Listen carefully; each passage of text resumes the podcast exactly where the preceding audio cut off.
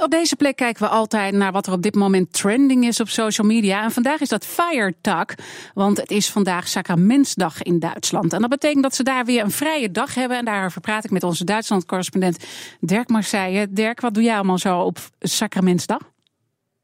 Ja, ik ben niet uh, vrij, hè? want anders dan zouden wij nu niet uh, dit Ja, gesprekje zeker. voeren. Ik kan, me zo voor, ik kan me zo voorstellen, iedereen die nu onderweg is in de bloedhete dag in de auto, die denkt ook van nou, als die Marseille nu maar niet gaat zeggen dat hij heerlijk met een cocktail achterover ligt uh, op, op deze vrije dag in, in Duitsland. Maar is ook inderdaad niet zo hoor. Nee, ik ben gewoon aan het werk. Je bent gewoon aan het werk. Toch, in Duitsland hebben ze dus een dag vrij. En nou ja, je bent ook niet heel lang met ons in gesprek, hè, dus daar kun je daarna weer van genieten.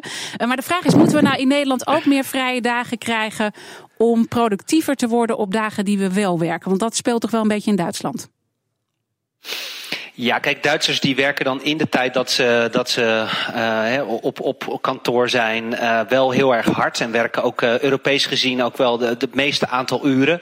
Dus het, je zou het eerder zo kunnen zeggen, hè, work hard, play hard. Dus aan de ene kant iets meer vrij zijn, maar dan als je dan aan het werk bent ook harder werken. Nou, dat geldt misschien wel een beetje voor de Duitsers. De ARD liep even de straat op om te vragen wat jongeren überhaupt weten over vrije dagen. In welchem Monat ist der Mai-Feiertag? April?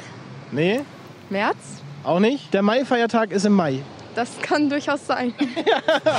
Wie viele Personen waren die heiligen drei Könige? Weiß ich nicht, zwölf? Sieben. Ich schätze fünf. Welchen Feiertag haben wir am 3. Oktober? Äh, irgendein Geburtstag oder so. Tag der Deutschen Einheit? Ja, Tag der Deutschen Einheit ist richtig. Sehr gut. Nou, ze zijn lekker vrij, maar uh, alles weten ze er niet van. Dat blijkt maar weer. Er is ook discussie uh, mogelijk over al die voornamelijk christelijke vrije dagen. Nou, dat valt, valt wel mee. Kijk, het is, het, het is een beetje onoverzichtelijk. Hè? Want je hebt hier uh, gewoon landelijke vrije dagen. Maar je hebt ook vrije dagen die echt verschillen per deelstaat. En dan zelfs ook nog per regio. En die zijn dan vaak gekoppeld aan christelijke feestdagen. Waar niemand dan meer de, echte, de achtergrond van kent. Maar goed, je bent wel vrij. Uh, en, en daarom kwam deze discussie ook op. Kijk, uh, niemand heeft er echt bezwaar tegen als er veel vrije dagen zijn. Of je moet natuurlijk werkgever zijn. En dan denken van, hmm, zijn mijn werknemers nu alweer vrij? Hè? Dus dat werk moet ook wel af, uh, af zijn. Hangt er vanaf welk perspectief je het bekijkt. In elk geval in Duitsland valt er over arbeidsproductiviteit echt helemaal niks te klagen. De Duitse economie draait ook hartstikke goed. Werkloosheid is, is historisch laag. Dus wat dat betreft zou je kunnen zeggen, misschien ja, moet je wel meer vrije dagen hebben, want uh, het, het blijkt te werken. En op Twitter wordt er dan helemaal niet geklaagd over al die vrije dagen? Nee, natuurlijk niet. Als je lekker vrij bent, dan ga je toch gewoon genieten. Dan ga je lekker naar buiten en dan ga je daar, uh, ga je daar uh, het beste van, uh, van maken. En grappend wordt gezegd van, nou ja, het zijn er intussen wel heel veel natuurlijk. Maar de meeste mensen die met dit weer, en ik zit in Berlijn en ik kijk naar buiten en het is 25 graden met een strakke blauwe hemel.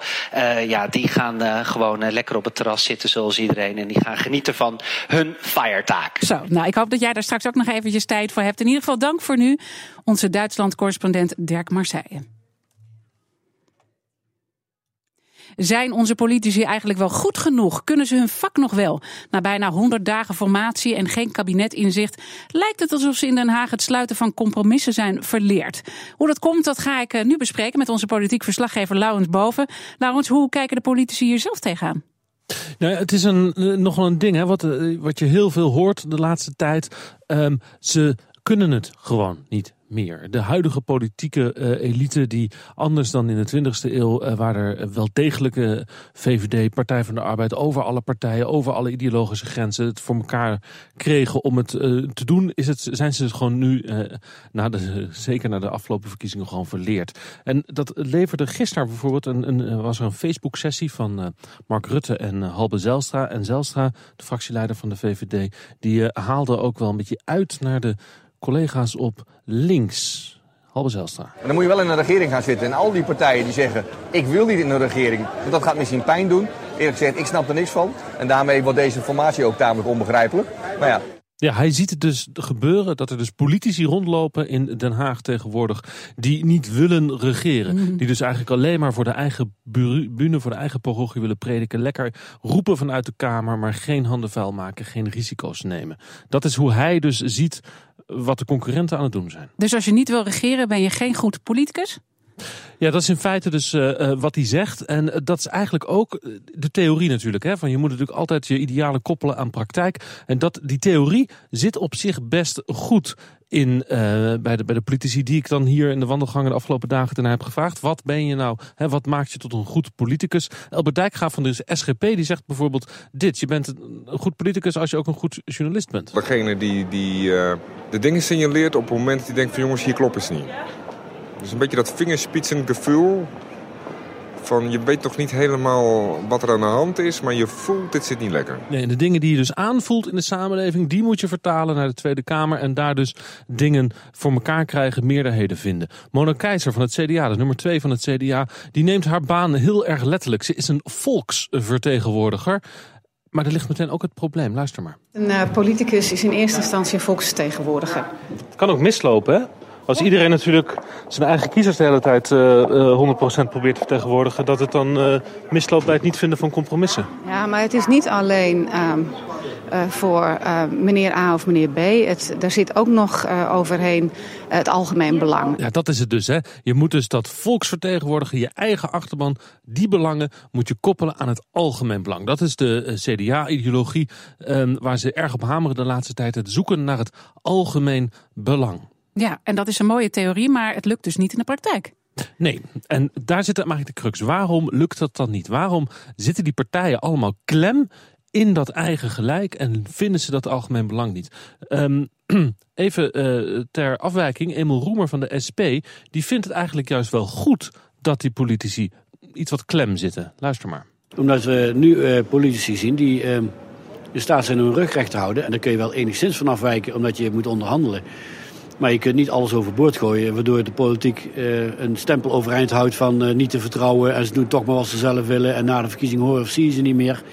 En ik denk dat dat bij steeds meer partijen duidelijk is van uh, vergeet niet waar je voor bent opgericht. Nou, daar zie je dus hoe het dan knelt. Hè? Hoe het zoeken naar het algemeen belang dan knelt met hoe het volk dat dan waarneemt. Want dan, dan betekent namelijk ook compromissen sluiten en dus eigenlijk doen wat je had beloofd niet te doen. Of het misschien allemaal wat anders te doen dan je had beloofd in een verkiezingscampagne.